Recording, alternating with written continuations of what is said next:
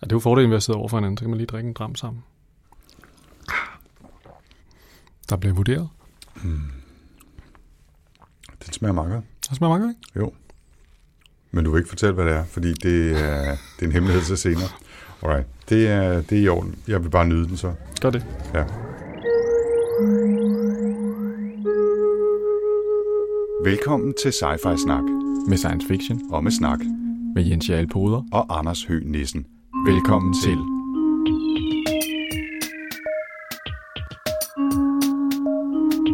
You're traveling to another dimension. A dimension not only of sight and sound, but of mind. A journey into a wondrous land whose boundaries are that of imagination. Your next stop, Sci-Fi Snak. Nå. Velkommen til Sci-Fi Snak.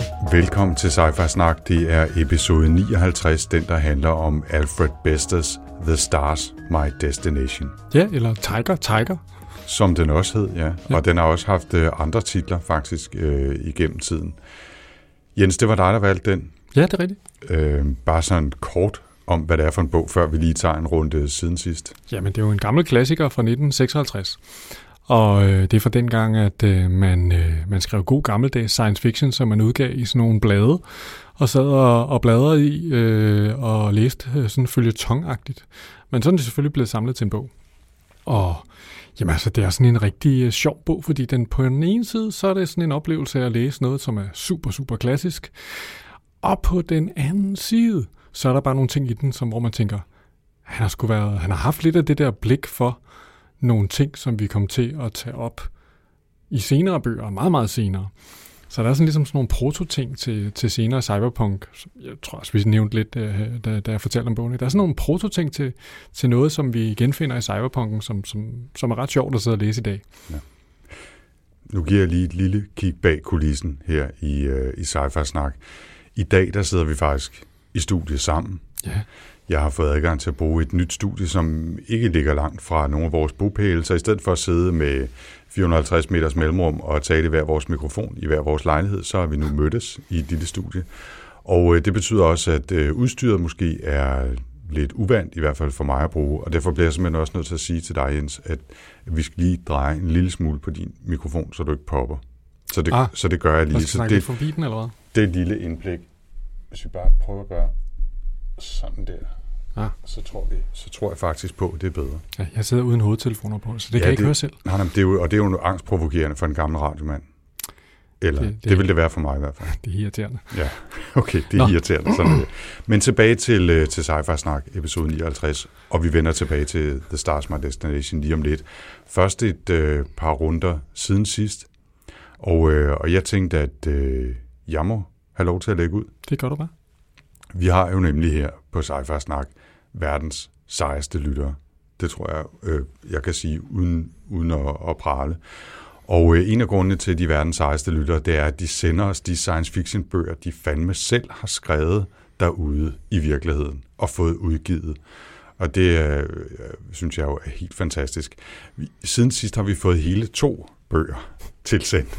det, det er rimelig vildt. Altså med den her frekvens, og hvis vi skulle øh, nå at læse dem alle sammen, øh, oven i de bøger, vi, vi også øh, læser til vores episoder her, jamen, så, så ved jeg ikke, hvad vi... Altså bliver du fuldtidsjob efterhånden, ikke?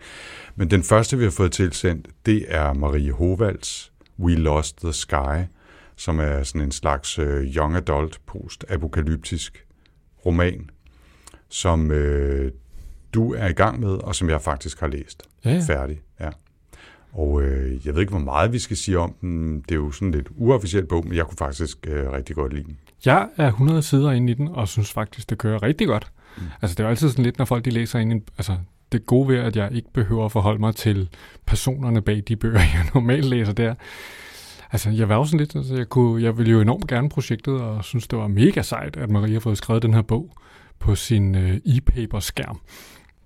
Som hun, øh, hun har sådan et setup, hvor hun bruger sådan en, en øh, altså sådan Kindle-agtig skærm, som ikke lyser, fordi at hun ikke kan arbejde så lang, lang tid ad gang. Mm. Så når man sidder her og siger, nu må jeg sætte mig til at mig sammen og få skrevet min egen roman, altså der er altså nogen her, der sidder og må investere i en særlig skærm for at kunne sidde og arbejde med sin bog. Det er sgu meget sejt gået. Og Ja. så, er den, så viser den sig ovenikøbet at være, være faktisk meget fed. rigtig også, underholdende. Øh, jamen ikke bare underholdende, jeg synes faktisk også, den var, havde nogle ting, der var original. Altså den der setting og de der historier og de der forskellige, altså der er selvfølgelig nogle ting, man kan genkende og, og en tematik, man kan genkende.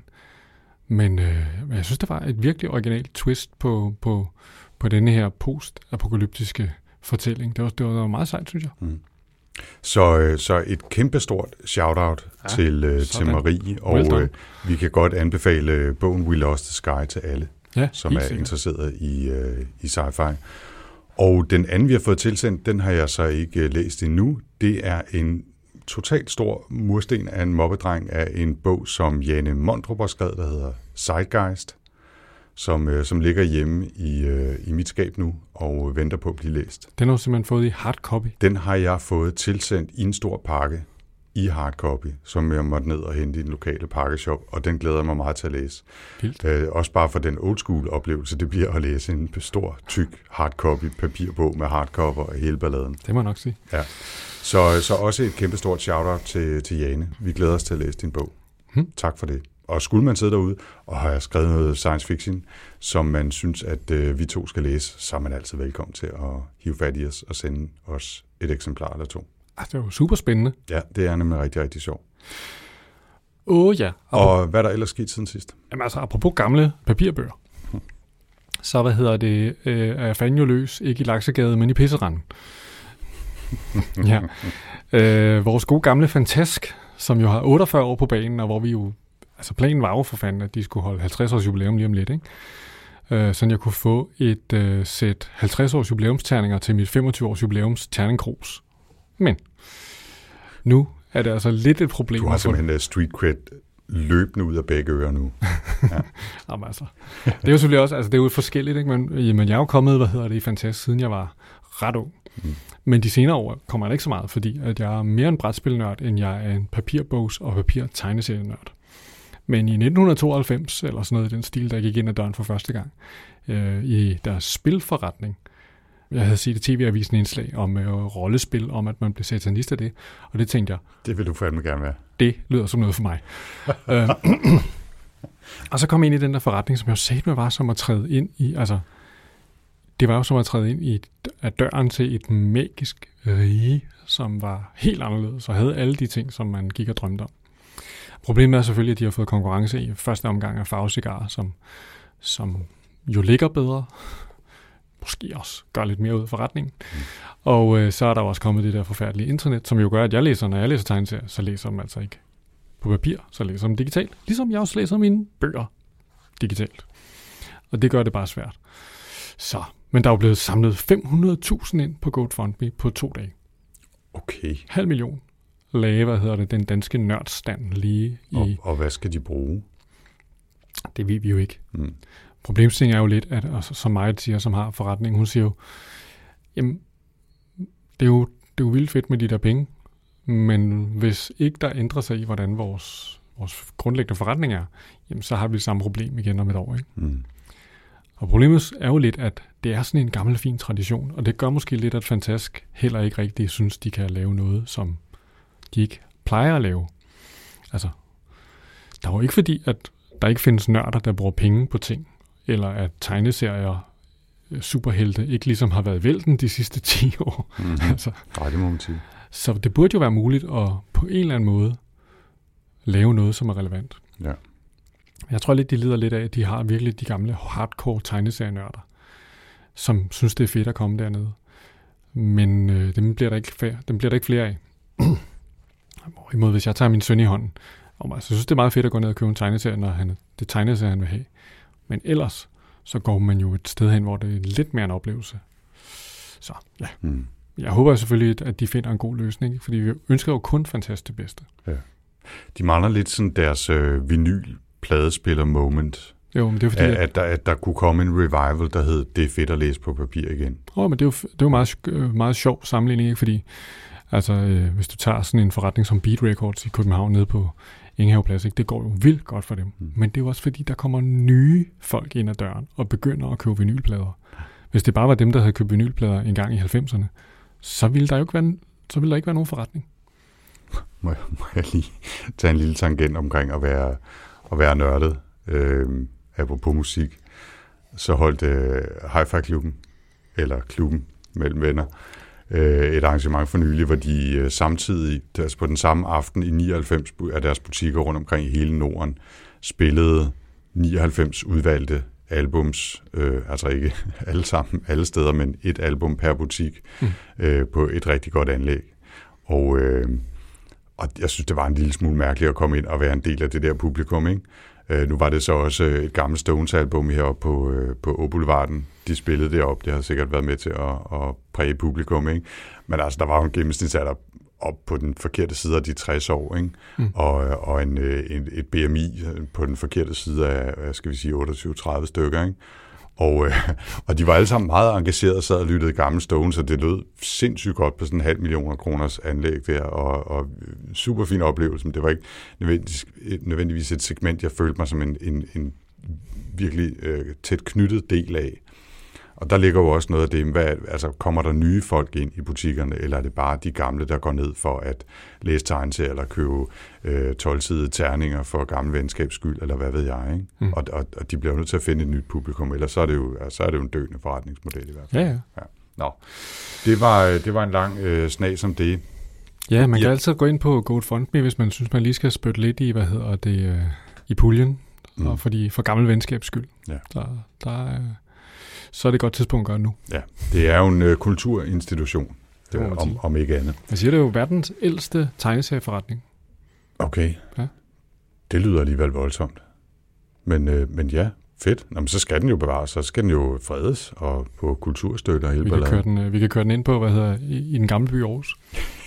ja, de har sådan en, øh, de har sådan en 70'er-afdeling, har været der. Ja, ja, det er super fedt. Det er simpelthen så vildt med kæmpe store Jolly Cola-reklamer og øh, øh, telefoner og sådan noget. Nå. Øhm, apropos sci-fi-snak. Apropos sci-fi-snak er, er totalt tangent. Det er det, der sker, når man sætter os i studiet sammen. Så, så er det svært at holde fast i en rød tråd. Men... Jeg har set noget anime. Tillykke. Ja, ja, ja. Nå, men nu, øh, nu hvad hedder det, blev vi jo jagtet af Christoffer på Twitter, fordi at vi ikke, øh, vi ikke synes, at Kira er fedt og sådan noget. Men jeg har faktisk set øh, en ret fantastisk anime-serie, der hedder Cowboy Bebop. Nå ja, som, er øh, en som, klassiker. Som var ret fed, synes jeg. Mm-hmm. Det er min søn Laurits, som er total anime-fan. Det er ham, der det, holder dig trendy. Jeg ved ikke, om det er trendy at se uh, en uh, anime-serie fra 1999, eller hvornår den er fra. Den er i hvert fald i 4.3-format. Det var sådan meget mystisk. Men ret fantastisk, altså. Mm. Men jeg må sige, altså, det kan noget, det der. De kan et eller andet, altså, mens vi sidder her i Vesten og tænker, hvad kan vi finde på? Nå, hvad med at lave live-action versioner af alle de gamle tegnefilm? Fordi det er der jo... Jeg ved ikke, hvem der er, der gerne vil have det. Øhm, altså, hvem vil gerne se Will Smith øh, i en live-action genie? altså, ikke mig i hvert fald. Men der er nogle af de der historier, det er simpelthen sådan nogle underlige historier, og sådan nogle, altså, vildt kreative historier. Mm. Der er bare noget rå power i idéerne til fortællinger i de der tegnefilm, som Altså de gode af dem, ikke? Det er sgu meget interessant. Okay. Det kunne være, jeg skulle prøve det. Hmm? Øh, det er kun noget, jeg sådan har tappet ned i øh, en enkelt gang imellem i meget kort tid. Jeg, vil sige, jeg er aldrig rigtig blevet fanget, okay. det må jeg sige. Men, øh, men jeg er villig til at give det en chance mere. Jeg synes, den der hedder One Punch Man på, hvad hedder det, uh, Netflix, den var ret, ret sjov. Og okay. der er ikke så mange af dem, så... Og den er sådan rimelig ironisk og underholdende og mærkelig og alt muligt på samme tid. Okay. Hmm? Jeg giver en chance. Vi skal lige øh, nå et tip mere også, øh, altså et hattetip og et tip øh, fra Chris Lehmann, som jeg jo skal sige i åbenheden til i navn, er en tidligere kollega fra DR, manden, der nu bestyrer sammen med Esben Hardenberg digitalt på P1, som er harddiskens afløser, og således er der bundet en øh, stor sløjfe på, øh, på den forbindelse.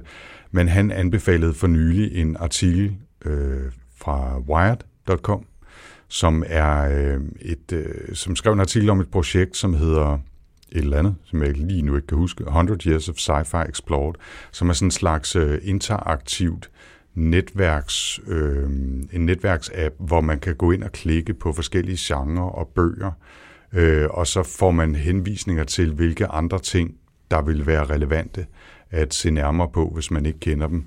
Det er der er så mange sindssyge data, de har smidt ind i det om bøger, genre, karakterer og øh, teknologi og alt muligt andet. Det er helt, helt vildt. Og øh, det kunne være sjovt at, at prøve at trække nogle, tage nogle sådan nogle hoppeture igennem, når hvis man klikker på den, og så klikker man på den, og så klikker man på den, og hvordan kommer man så rundt i hele det her sci-fi-univers, vi er i gang med at dække. Det er ret syret.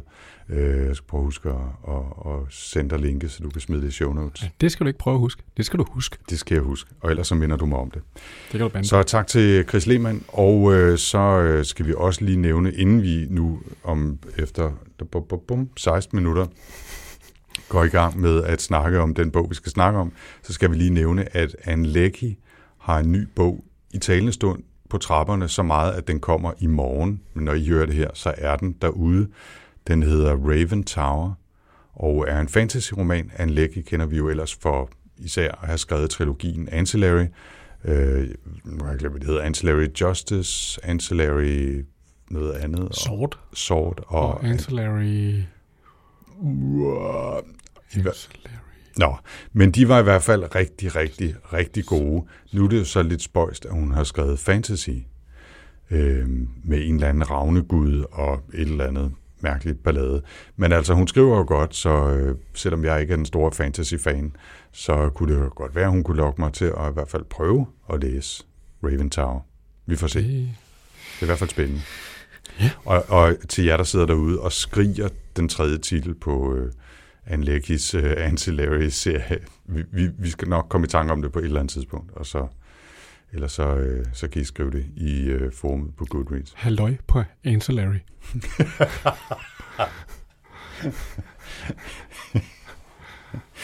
ja, det, det er det, den hedder. Ja. Det, det, det var den. Der var den. Der var den. Ancillary 3. Ja. Øhm, og så tilbage til uh, The Stars My Destination. Ja. Skulle vi ikke prøve? Lad os gøre det. Skal, skal jeg øh, prøve bare sådan lige hurtigt at sætte handlingen op? Giv den, giv den et skud. Jeg har snydt lidt og, og taget lidt noter hjemmefra. Ikke? Den er som sagt skrevet i 1956 mm. og udkom først som magasin og senere øh, som bog.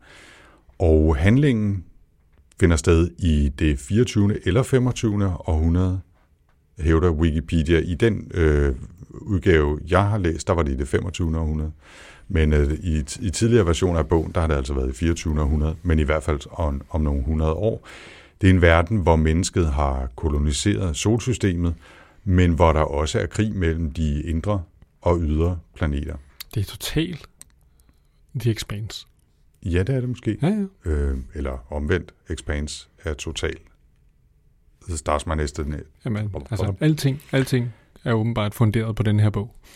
Til ja. Det er utroligt. Men udover at der er rumrejser og rumkolonisering, og i øvrigt atomkrig så mellem de ydre og indre planeter, så er det også en verden, hvor mennesket har lært at teleportere, eller jaunte, som det hedder, øh, over afstand op til cirka 1000 miles, altså omkring 1600 kilometer, noget, som fuldstændig har revolutioneret infrastrukturen, fordi nu har man jo ikke rigtig længere behov for biler og busser og tog og, og sådan lokale fly og sådan noget. Man kan bare jaunte rundt, og så har man ligesom nogle pladser, så hvis man skal lidt længere end det, man lige kan jaunte, jamen så jaunter man hen til sådan en platform i en anden by, og så jaunter man videre derfra. Så tager det måske 3-4 hop at komme øh, på tværs af, af for eksempel USA, øh, men, men det kan lade sig gøre.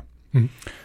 Der er så den begrænsning, at der ikke rigtig er nogen, der har overskrevet den der grænse, så man, man har stadigvæk rumskibe, for man kan ikke bare jaunte til Mars, eller jaunte til Pluto, eller hvor man nu har lyst til. Mm. Den anden begrænsning det er, at man skal kunne øh, sådan rimelig klart visualisere, hvor man skal hen. Ja, det er rigtigt. Det er så ret der er jo sådan et element af, at man første gang, man skal et sted hen, så bliver man ligesom nødt til at have været der før. Ja, så, så derfor er der også øh, ting med, at netop folk har rum, som de ikke viser øh, viser til andre, fordi øh, så kan de holde folk ude af det rum, så de ikke bare kan jaunte ind til tilfældige mennesker. Ja, der er sådan et fængsel, man kan komme ind i, som bare er nede i bunden, i, som ligger på sådan bunden af sådan en kæmpe stor øh, hulekompleks i Frankrig, hvor at man kommer ned, og der er altid mørkt, og, og, og, fordi, og fordi man ikke ved, hvor man er henne sådan rigtigt, mm. så kan man ikke jaunte ud. Ja, det er, der, er, der er nogle snede ting omkring det. Men ellers så, så følger vi så øh, i, i bogen her øh, hovedperson, der hedder Golly Foyle, som er sådan lidt en småbrutal, uambitiøs øh, rum øh, marinsoldat, er han vel nærmest, som øh, kommer ud for nogle hændelser med et rumskib. Han bliver efterladt, han bliver ikke samlet op af et andet rumskib, og det opfylder ham med et så brændende ønske om at tage hævn over de idioter, der ikke samlede ham op, da han var strandet på et rumskib øh, øh, uden motor og uden fremdrift. Og den, det ønske om hævn driver ham rundt i solsystemet på jagt efter dem, der gjorde ham ondt.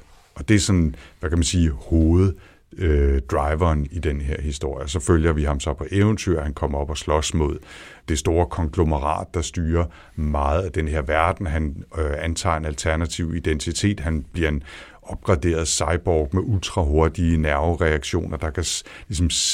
Altså ligesom bullet time i, hvad ja, sådan det, bullet Matrix. time, ligesom i Matrix, ikke? så det synes som om alle andre bevæger sig i, i slow motion, og så videre, og så videre. Men det er ligesom hovedhistorien. Mm. Og så øh, kører det ellers derudad. Ja, det var meget sjovt, ikke? Altså, fordi det er sådan en ligesom, altså, karakteren, øh, hvad hedder det, Golly Foyle der, han er jo sådan en rimelig primitiv fyr, det må man sige, ikke? Altså, også ikke særlig rar, altså, som i virkelig ubehagelig.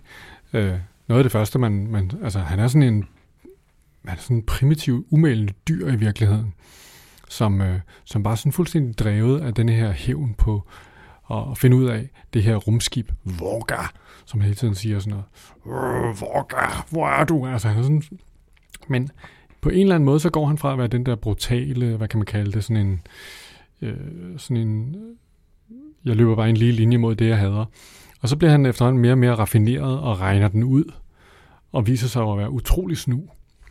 Men det, er, men det er stadigvæk sådan en primitiv snuhed, ikke? Altså, jeg, jeg, jeg synes ikke, han på noget tidspunkt bliver sådan altså øh, intelligent eller udstråler et stort intellekt.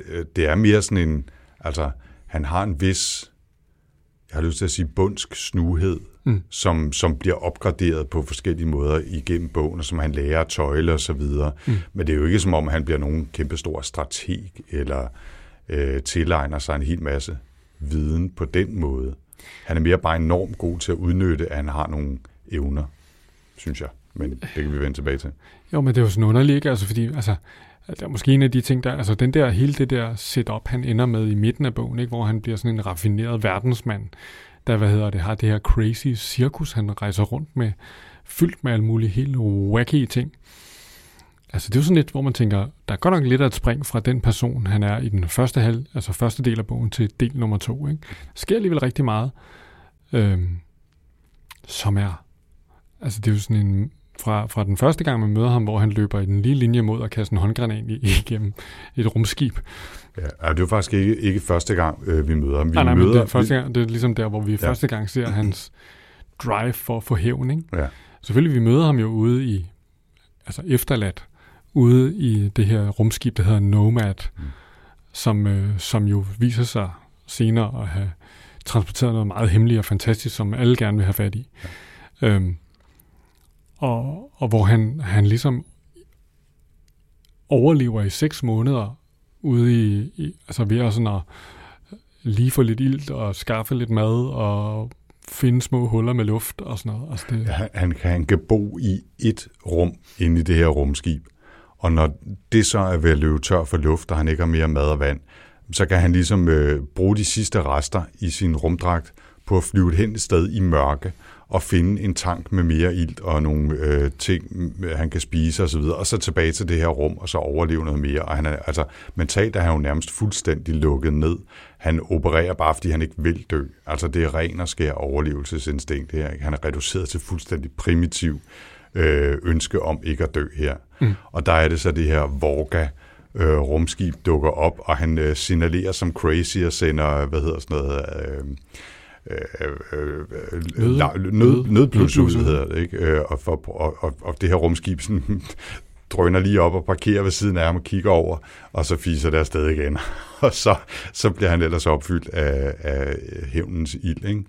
Og så lykkes det ham jo faktisk at, øh, at komme videre til, til det, der bliver kaldt sådan en cargo cult, i, øh, i, som holder til sådan en asteroidebælte. jeg bruger de ikke på Eros, faktisk. Det kan jeg faktisk ikke huske. Apropos Men, men i hvert fald, altså, du ikke har de, læst, men altså. de samler en hel, altså en hel masse, alle øh, rumskibs og vrag, øh, vragdele og alt muligt andet, samler de til sådan en stor, nærmest sådan en metal øh, øh, losseplads af en, pan, af en planet eller asteroide, ikke?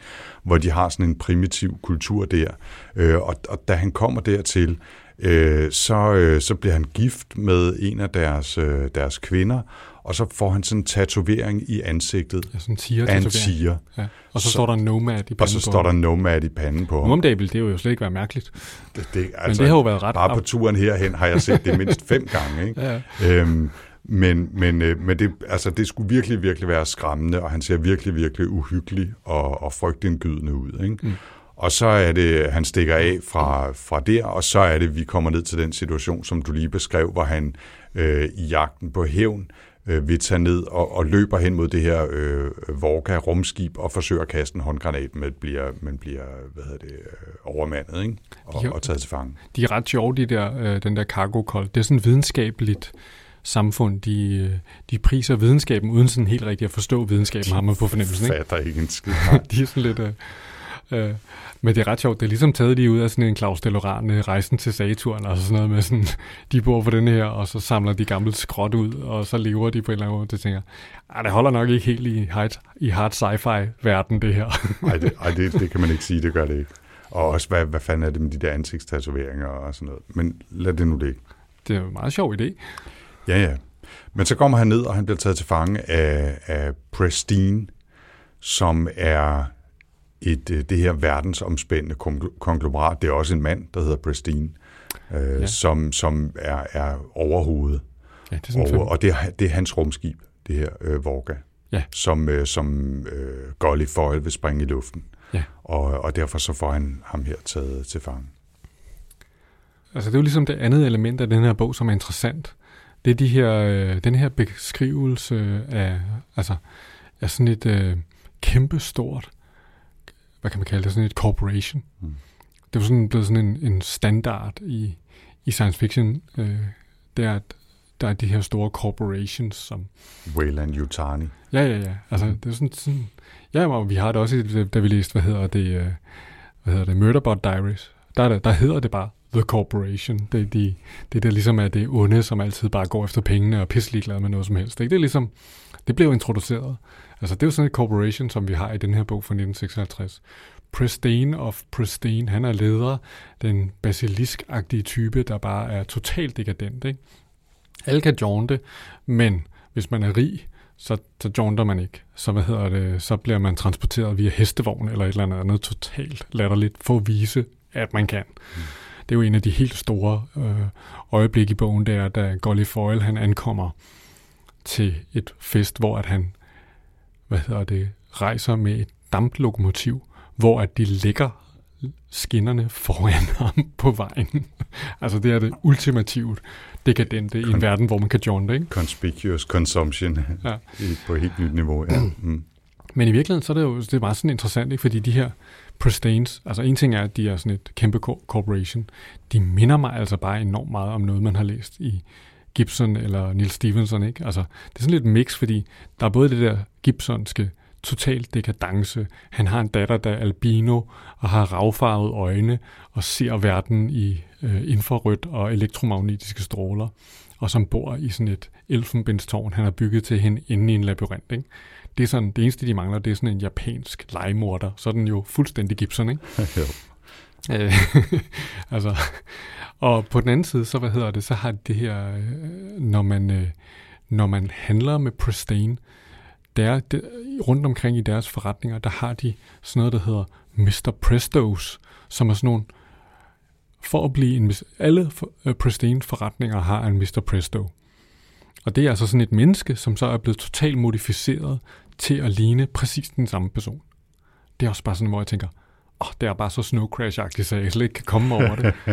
altså, det er simpelthen så... Øh, altså, det, det, hvor jeg tænker, det er fandme nogle skøre, sindssyge idéer, ikke? Det er, det er the ultimate franchise, ikke? Det er, Jo. når man bliver bodymoddet til at ligne præcis en kopi af alle de andre, som også har den her franchise. Hvis alle, alle der bestyrede en uh, McDonald's, skulle ligne Ronald McDonald. Ja, ja, eller, ja, eller så ja. I, i, i Diamond Age, hvor de hele tiden snakker om KFC, ikke? Jo, The ja. Venerable Colonel. Tænk, hvis de alle sammen skulle bodymoddes til at ligne ham, ikke? Ja, ja. Altså, det synes jeg skulle være ret sjovt. Ja. Men Nå, altså, han er jo ja. en iskold, øh, iskold øh, hvad hedder det, øh, kapitalist, ikke? Han, øh, han øh, tror på ingenting, og viser sig jo også, at altså, han, er, han føler sig hævet over, hvem han holder med i krigen mellem de indre planeter og de ydre planeter. Altså, han gør det, der er bedst for familien Pristine. Det er det, der... Og det er jo sådan en, altså, det er jo sådan en arketype i moderne science fiction i virkeligheden. Mm. Ja, mm. men, men uh, Golly bliver, bliver taget til fange, mm. og uh, vi møder et par andre karakterer. Uh, der hersker nemlig en vis usikkerhed om, hvorfor, hvorfor prøver han at hvorfor prøvede han at sprænge det her øh, rumskib i luften, eller, eller ødelægge det.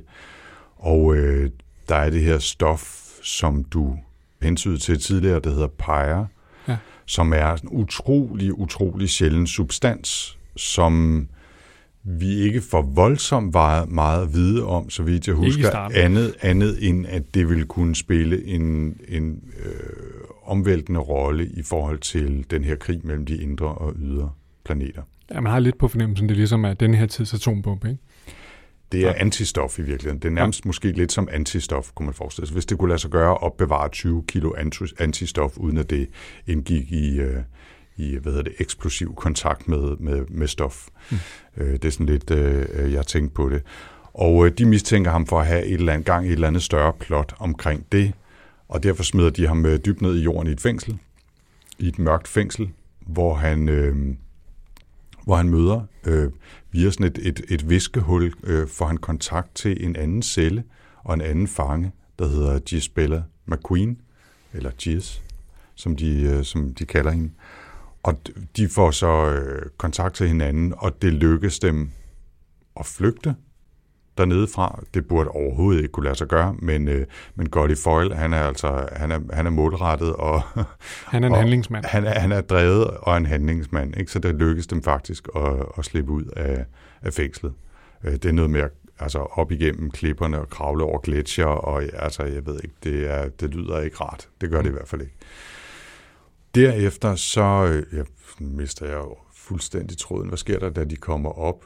Han, han får fjernet sin tatovering. Er det ikke, øh, da de kommer jo, jo, op? Da de, så, altså, hun har jo alle mulige forbindelser i den kriminelle verden, ikke? Jo. Og hun er gammel sådan gangster så hun kan hjælpe ham med at få fjernet den her tatovering. Mm. Og så er planen ellers, at, øh, at øh, de skal flygte ud til det der Nomad, og så samle... Nu har han jo luret, at der er noget at, at skaffe derude. Mm. Han har jo haft nogle... er blevet interviewet af... Eller forhørt, kan man sige, af Pristains... Øh, superspion, som er sådan dødningeragtig, fordi han engang har fået sådan noget overdosis af stråling, så han kan kun være sammen med mennesker i 5 minutter, og hvis han skal have en kone, så skal de ligge og det er, det, sove. Det, det er Dickenham, ikke? Ja, ja sove, sove, på, sove på hver sin uh, side af sådan et 5 uh, fem, uh, tommer tykt blyglas og sådan noget. Det er sådan, også en meget underlig idé. Ja. Og der, der er også ham, der hedder Peter Yang Jovil, ja. øh, som er... Han er sådan en slags øh, verdens CIA eller FBI. Sådan en, øh, ja. Og i virkeligheden er de her, de her to øh, Gully Foyle adversaries, de er jo sådan rimelig raffinerede. Altså, de er hele tiden lige to skridt efter ham, ikke? Mm. Altså, det er kun hans enorme evne til bare konstant at være i fast forward motion, der gør, at de ikke ligesom har lander på ham med 1000 km i timen. Ikke? Men, men ja, og, og, øh, og, og selvom de uh, tatoverer ham efter alle, øh, sluder vrøv, torturerer ham efter alle øh, kunstens regler, så lykkes det jo aldrig rigtigt at knække ham og få ud af ham, hvorfor det er, han er så interesseret i det her Vorga-rumskib. Og, og det er jo så en af grundene til, at han havner i fængsel, ikke? fordi de kan ikke få sandheden ud af ham, men de mistænker jo ham for at være ude efter det her peger Ja, de stof. tror, de tror, det er sådan de, noget, de tror, det er det, det handler om. Ikke? Og i virkeligheden i, i afhøring af ham, så går det jo op for dem. Så går det op for, og det, og det er der, hvor sådan, han, han, han viser sig at være mere intelligent end som så, ikke? for han kan jo godt regne ud, da de siger, at grund til, det er så vigtigt for os, det er, at der er 20 millioner i bullion, et eller andet. Mm. Øh, og så kan han jo godt regne ud, at hvis det var så vigtigt, hvis det kun var det, så ville I bare have hyret en telepat til at komme og og rode min hjerne igennem og finde det. Men når I ikke vil høre en telepat, så er det fordi, I ikke vil have, at nogen skal vide det. Mm. Så han er jo sådan, altså, altså han svinger, altså som karakter Golly Foyle, han svinger enormt meget mellem at være virkelig, virkelig dreven og enormt dum. Mm. Og det er nogle gange sådan lidt irriterende, synes jeg. Han er ikke så konsistent. Nej. Men i hvert fald så, øh, som sagt, så lykkes det at, at undslippe fængslet, og han får fjernet sin tatovering, men ligesom kun det ydre øh, hudfarve. Så når han bliver ophidset når han bliver vred eller øh, på anden måde øh, emotionelt berørt, så, så træder den gamle tatovering ligesom frem. Altså sådan blodet øh, når, ligesom når blodet strømmer pum, til. pumper i hans ansigt, ja. så, så står øh, tatoveringen frem. Og, og derfor bliver han nødt til at lære sig at, øh, at, at kontrollere sine følelser.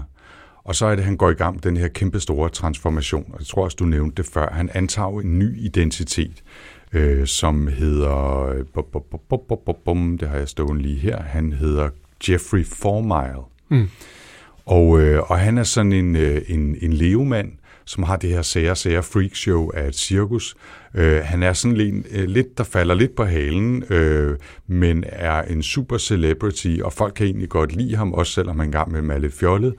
Og, øh, og samtidig så har han i al hemmelighed, udover at han har trænet sig selv med yoga og zen-fokus og alt muligt til at kontrollere sine, øh, sine følelser, så hans øh, underhuds ansigtstatovering ikke træder frem, så har han også trænet sig selv til at blive en fuldstændig dræbermaskine, og han har fået lavet alle mulige sindssyge øh, body mods på sit nervesystem, så han netop kan, kan, som vi også snakkede om før, gå ind i sådan noget bullet time og, og opererer så hurtigt, at alle andre ser ud som om, at de hænger fast i sirup, ikke? Det er der, hvor jeg tænker, okay, der er vi altså igen inde i sådan noget cyberpunk-verden, ikke? Altså, han kan lige med sin tunge, kan han lige klikke en tand, og så kan han simpelthen, øh, så kan han simpelthen øh, gå i det der, hvor det hele verden bare slow down, og så kan han bare løbe rundt og, og smadre alt muligt. Og, altså, han bliver virkelig sådan en, altså det er som sådan en, øh, altså lidt af Molly Millions, eller, altså det, det er sådan en, det er sådan en klassisk ting, ikke? At blive moddet til at være sådan en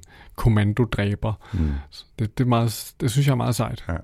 Og så, øh, så inddrager han jo også andre mennesker i sin... Øh, fordi hans, hans mission er jo den samme. Nu har han ligesom bare gået under jorden eller antaget den her øh, alternative identitet.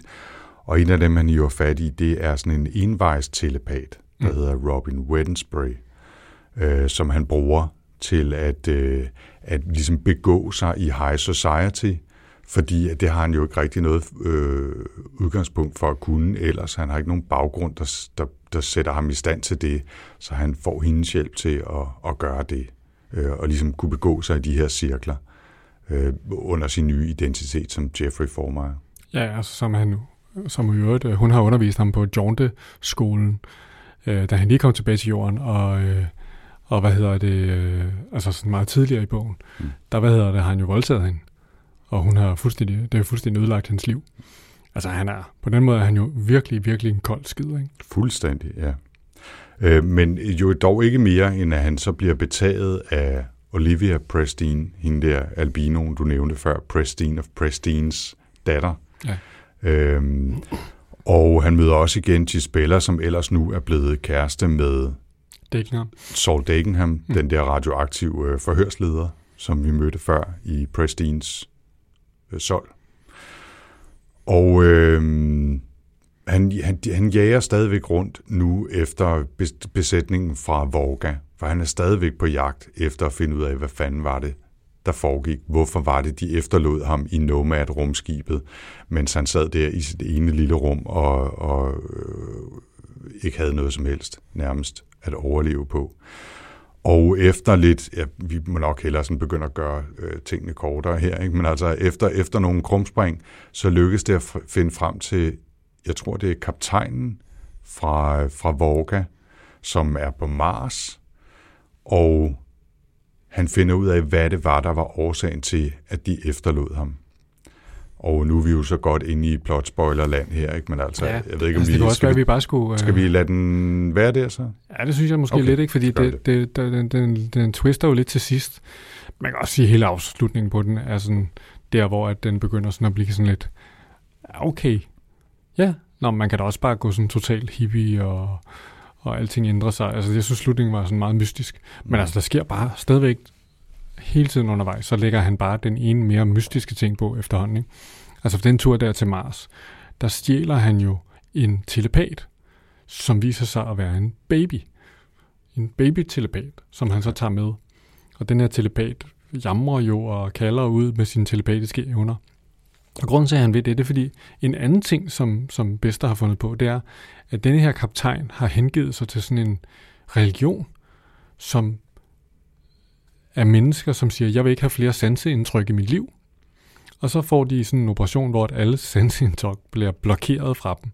Og så sidder de alle sammen som sådan nogle dødninge inde på, hvad hedder det, på, på sådan en ræd og række, ind under sådan en kæmpe stor pyramide. Så det er sådan en særlig form for kult. Altså, Ja, og så er der også, der er også øh, tidsrejse, lidt tidshop øh, frem og tilbage involveret på et tidspunkt. nej, det er rigtigt. Det er rigtigt. Og, øh, og han, han øh, ja, nå, vi, vi, jeg men tror ikke, er vi, også- vi, skal ikke, vi skal ikke begynde at dykke øh, mere ned i, i den sidste øh, fjerdedel eller Nej. femtedel, eller hvor meget det er her. Men altså, Men, men altså, det, det, det er noget af det, der er sjovt ved den her bog, ikke? det er, at med rund hånd, der strøger han bare den ene mere. Altså, der er også det her med, at religion, det er sådan, den her, folk, der er religiøse, det er den her tids perverts, ikke? Mm. Så sådan noget med, altså, så øh, jeg er kommet til at bryde ind her øh, og se nogen, der lavede noget religion. Altså, det er sådan, det er sådan som at, at gå ind ad en dør, og så se folk øh, have hængt sin kone op på et kors og øh, stå i latex. Altså, det er bare helt utjekket Ja. at være religiøs, ikke? ja, det er rigtigt. Ja. Jeg tænker igen, 1956, ikke? Altså, Greece is the world, og hvad hedder det, Isaac Asimov skriver, skriver sådan noget øh, science fiction, hvor de render rundt øh, i Og- og- tweet og ryger pibe. Jeg skulle lige sige, altså, det er sådan nogle pibe, piberygende detektiver, ikke? Jo. Øh, som, som løser øh, øh, rebusser og, øh, og leger lidt med robotter, ikke? Ja, der, der synes jeg altså, at denne her, den har altså, den er altså lige længere ude af sådan den, altså sådan uh, Theodore Sturgeon, uh, Ja, Philip K. Dick, ja. ikke? Altså sådan noget lidt mere, altså det er lidt wacky, altså, hvor at, men det, det jeg synes sgu, Altså man har lidt på fornemmelsen af, at han har haft tidlig adgang til nogle, øh, til nogle svampe eller, øh, eller nogle psykoaktive stoffer, ikke? som sådan først for alvor blev po- populære 10 år senere. Øh, at, man tænker lidt, at han har måske været en af dem, der har haft tidlig adgang til det, eller i hvert fald kunne tappe ind i den, hvad kan man sige, kulturelle åre, som, som blomstrede i fuld flor 10 år senere i de psykedeliske 60'er. Ikke? Nå, for jeg tænkte på også, øh, hvad hedder den, uh, The Sirens of Titan, den vi læste Vonnegut, ikke? Ja. Som også på en eller anden måde minder en lille smule om den her. Men den synes jeg bare var rigtig irriterende. Altså den bog. Mm. Hvor den her, synes jeg, på en eller anden måde, øh, altså den hænger bedre sammen. Mm. Altså at man har mindre, jeg bliver mindre træt af Alfred Bester undervejs i denne her, end jeg blev af Vonnegut. Altså den, var mere, den er mere sådan, og, og det er også fordi, den er bare så, det, det er så bare højt tempo hele vejen igennem. Ikke? Det er jo ligesom at se uh, The Fugitive, altså den kører bare derudad, ikke? Ja, ja. ja, det jeg synes, der er det helt store problem for mig med den her bog, det er, at jeg virkelig, virkelig synes, at Golly Foyle er en fucking idiot. Mm. Altså, jeg havde virkelig svært ved at løsrive mig fra det faktum, at jeg synes, at alt, hvad han gjorde, og alt det, altså den måde, han gjorde det på, irriterede mig virkelig grundlæggende. Altså, han er jo et frygteligt, frygteligt menneske. Han, han, altså, han er nær, i, i lang tid jo rent overlevelsesinstinkt. Han, han har ingen øh, fornuftige eller normale relationer til andre mennesker. Han udnytter alt og alle omkring sig, inklusiv at han voldtager øh, Robin, øh, telepaten. Øh, den der, Forlader øh, hende der han- Gisbella, som, øh, som Ja, han øh, forlader- skulle forestille at være forelsket i. Præcis, han forlader hende, han øvrigt og så selvfølgelig under tvang er blevet gift med øh, på, på Cargo Colt asteroide planeten der. Ikke? Han, han er fuldstændig ligeglad med, hvem der bliver collateral damage øh, i sin jagt på at, at springe det der i luften og opsøge besætningen fra Vorga. Og, altså, han er, han er simpelthen så ubehageligt et menneske. Og det havde jeg, altså, det vil sige, de første 100 sider, der tænker jeg, åh, det skulle alligevel rimelig cool, der sker nogle rimelig seje ting her, ej, hvor er det vildt, og, og så gradvist så begyndte den der ubehag ved ham simpelthen at snige sig ind på mig. Og jeg er sikker på, at det er en del af pointen. Øh, der, der bliver jo også refereret til det der Tiger Tiger, øh, som er et, et Kipling-digt, så vidt jeg husker. Altså noget med det her frygtelige rovdyr, og, og, og Golly Foyle er jo rovdyret, og så videre. Og, og, og det er jo en del af pointen, og, og det kan jeg jo også godt se, når jeg, hvad kan man sige, når jeg, når jeg kigger på det intellektuelt eller, eller rationelt. Men læseoplevelsen, synes jeg simpelthen var decideret ubehagelig. Den Men- sidste halvdel af bogen. Og det, det, øh, det trak sgu altså, det trak ned for mig. Ja, altså, jeg kan huske, da vi læste uh, The Demolished Man, at jeg også synes, at hovedpersonen der ikke var en kæmpe idiot. Mm. og at det var altså netop det der med, at det er sådan en grænse, altså det er sådan grænsende til, at det er ubehageligt at læse, ikke? Altså det er ligesom at læse American Psycho, ikke? Man sidder bare og tænker, jeg kan simpelthen ikke holde ud af, Ja, jeg ja. kan, der nu står vi. Ja, ja. Men, men jeg tror på den her, den her bog, var det mere sådan, der fik jeg ikke helt den der træthed af, den nåede ikke at trætte mig på samme måde, som Demolished Man gjorde. Jamen, men jeg kan sagtens se det der, ikke? Altså, og der er, på den måde der er der faktisk ingen i den her bog, man sådan rigtig føler, man kan, man kan hæppe på, vel? De er jo alle sammen nogle idioter. Måske hende der Wednesday, øh, Robin Wednesbury. ja, altså hun er sød på en eller anden måde, ikke? Hun er den eneste, der Men, men stakkel. Og, Ja, ja. og bliver bare misbrugt, ikke? Og, Fuldstændig. Ja, ja. er jo en meget sjov ting, det der med, at hun er sådan en en- envejstelepat, der kun kan sende. Mm. Altså, det er også et meget sjovt begreb. Ja. Og sådan, når hun snakker med folk, så er det sådan lidt, åh oh, nej, jeg kommer til at sige, jeg kommer til at sende noget telepatisk til dem, nu kan de, nu kan de høre, hvad jeg tænker, og sådan, Ja. ja. det, er sådan er det hele tiden, hun snakker. ja, det er ret sjovt. Lidt synd for hende. Men, øh, men ja, altså, så, så det, det farvede min oplevelse, og, og øhm, især den sidste halvdel af bogen, som jo ellers er der, hvor, hvor der sådan for alvor bliver skruet op for, for de der lidt mere cyborg, cyberpunk-agtige ting, med den tand, han kan trykke på der for, for at speede tingene op og så videre. Men hvis der var enormt mange sjove tanker i starten, og den måde, de sådan fiser rundt i, øh, i solsystemet på, sådan lidt, brr, brr, og hele det der jaunting-koncept, og tankerne om, hvad det vil gøre ved infrastrukturen, og, og de der rum uden døre, som, som man har, øh, fordi det er ikke nødvendigt at kunne bevæge sig ind ad døren. Man kan jaunte derind, men kun hvis man har været der før, og så videre, og så videre.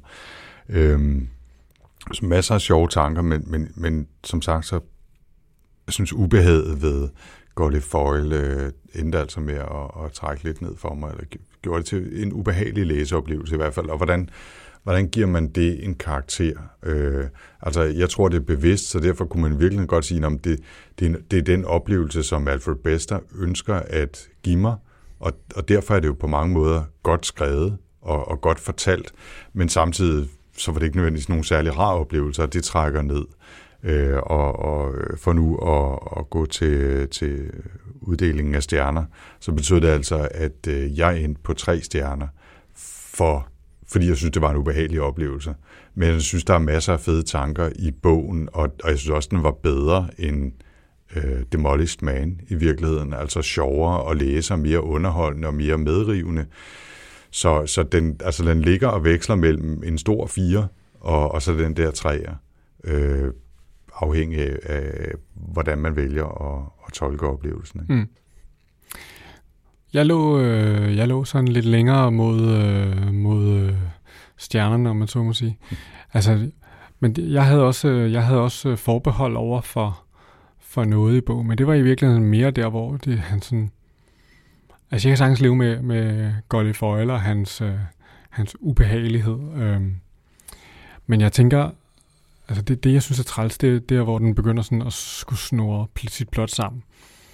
Og vi får det her space jaunting ind, og rumtidsrejse, det her Pyre begynder at blive en, en vigtig del af plottet. Det er sådan lidt, det er lidt ligesom sådan en uh, rumrejse 2001-slutning, hvor man sidder lidt og tænker, øh, øh, øh, Det er faktisk undskyld, meget rigtigt, ja. Undskyld, hvad? ja. Jeg tror ikke lige, jeg fik det sidste der. Jeg vil også sige, de sidste, de sidste skal vi sige 15 procent, der går tingene altså rimelig meget ballerlejka, ikke? Jo.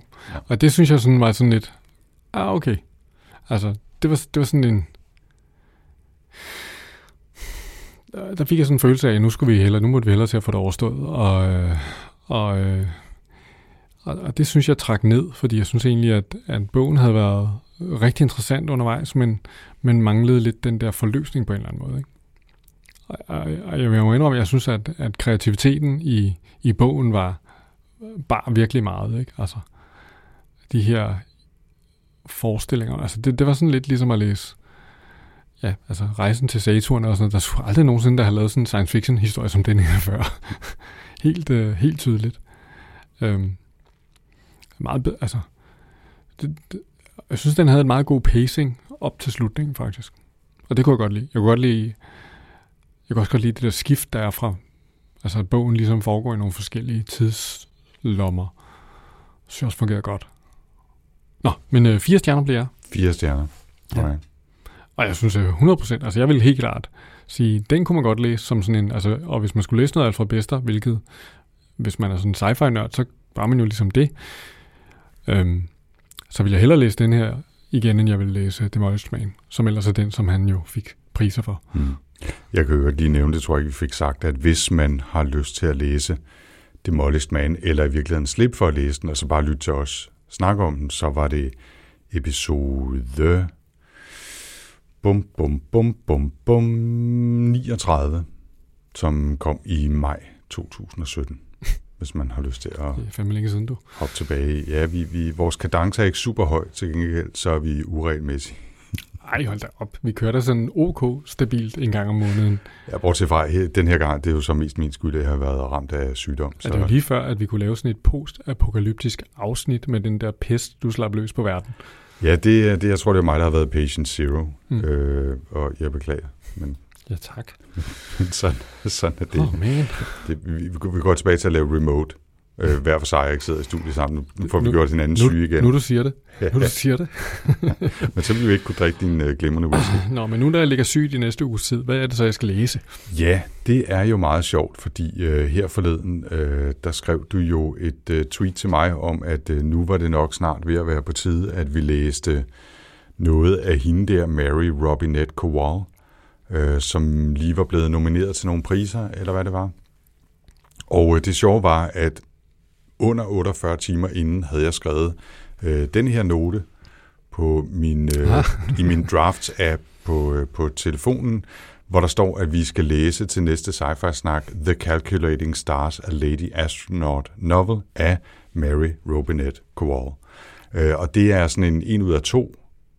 Øh, Det er virkelig to bøger, hun har skrevet sammen, øh, samtidig mere eller mindre, eller lige i røven af hinanden, som udkommet med få måneders mellemrum. Toeren hedder The Faded Sky, og altså også en Lady Astronaut novel. Og jeg er lidt i tvivl om, vi skal læse dem begge to, om vi tør give os øh, i kast med det.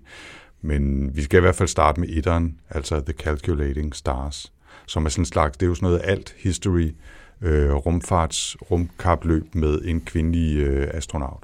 Ja. Og den, øh, den lyder helt vildt cool. Øh, altså moderne sci-fi, der foregår i klassisk sci-fi tid, altså 50'erne og 60'erne. Jeg, jeg synes, det lyder rigtig godt. Altså, det er også øh, mange af dem, jeg sådan lytter til, der snakker podcast om forskellige ting og sager, de, de har, har sa- sagt, at, at, at den her bog, det var noget af det bedste fra sidste år. Så det, ja, det er jeg meget spændt på. Ja, det er, det er jeg sgu også. Altså, den har stået på min liste øh, et par måneder, Mm. og øh, har tænkt, at den, den skulle jeg i hvert fald selv læse på et eller andet tidspunkt, og nu synes jeg, der var en oplagt chance, og så blev den chance bare så dobbelt Cool. Aktuel. Jamen, øh, den vil jeg gå, gå i gang med, så snart jeg er færdig med Marie Hovalds øh, We Lost the Sky. Ja, ja, den skal du også lige Skal, også lige, øh, skal ja. også lige gøres jo. Og ellers øh, inden næste gang, så er der vel ikke så meget andet, vi skal sige, end at I jo altid er super velkomne inde på vores gruppe, sci snak på Goodreads, Yes. til at kommentere på de ting, vi har snakket om, til at komme med anbefalinger, eller bare fortælle om bøger, I selv har læst, I synes var fede. Øh, Det er altså inde på Goodreads, øh, hvor man finder gruppen Sci-Fi Snak, Yes. og, øh, og kan bidrage der på alle mulige måder. Men det er ikke den eneste måde, man kan komme i kontakt med os på, eller give sin mening til kende. Nej, altså man er jo også altid velkommen til at komme med en kommentar inde på sci Også hvis man sidder og råder rundt efter nogle gamle afsnit, så kan man finde det hele derinde. Og ellers så er vi jo øh, pænt aktive på Twitter begge to. Når folk de skriver noget om sci-fi til os, så plejer man at få et svar. Ja. Og øh, der kommer mange gode tips ind og ting, folk synes, vi skal kigge på. Og ja, hvem ved. Ja. Så med det er der vel ikke meget andet tilbage end at sige uh, tak for denne gang, Jens. Ja, det var sgu en fornøjelse. Det var hyggeligt som altid, og uh, skål. Ja, skål du. Tak for denne gang. Mm.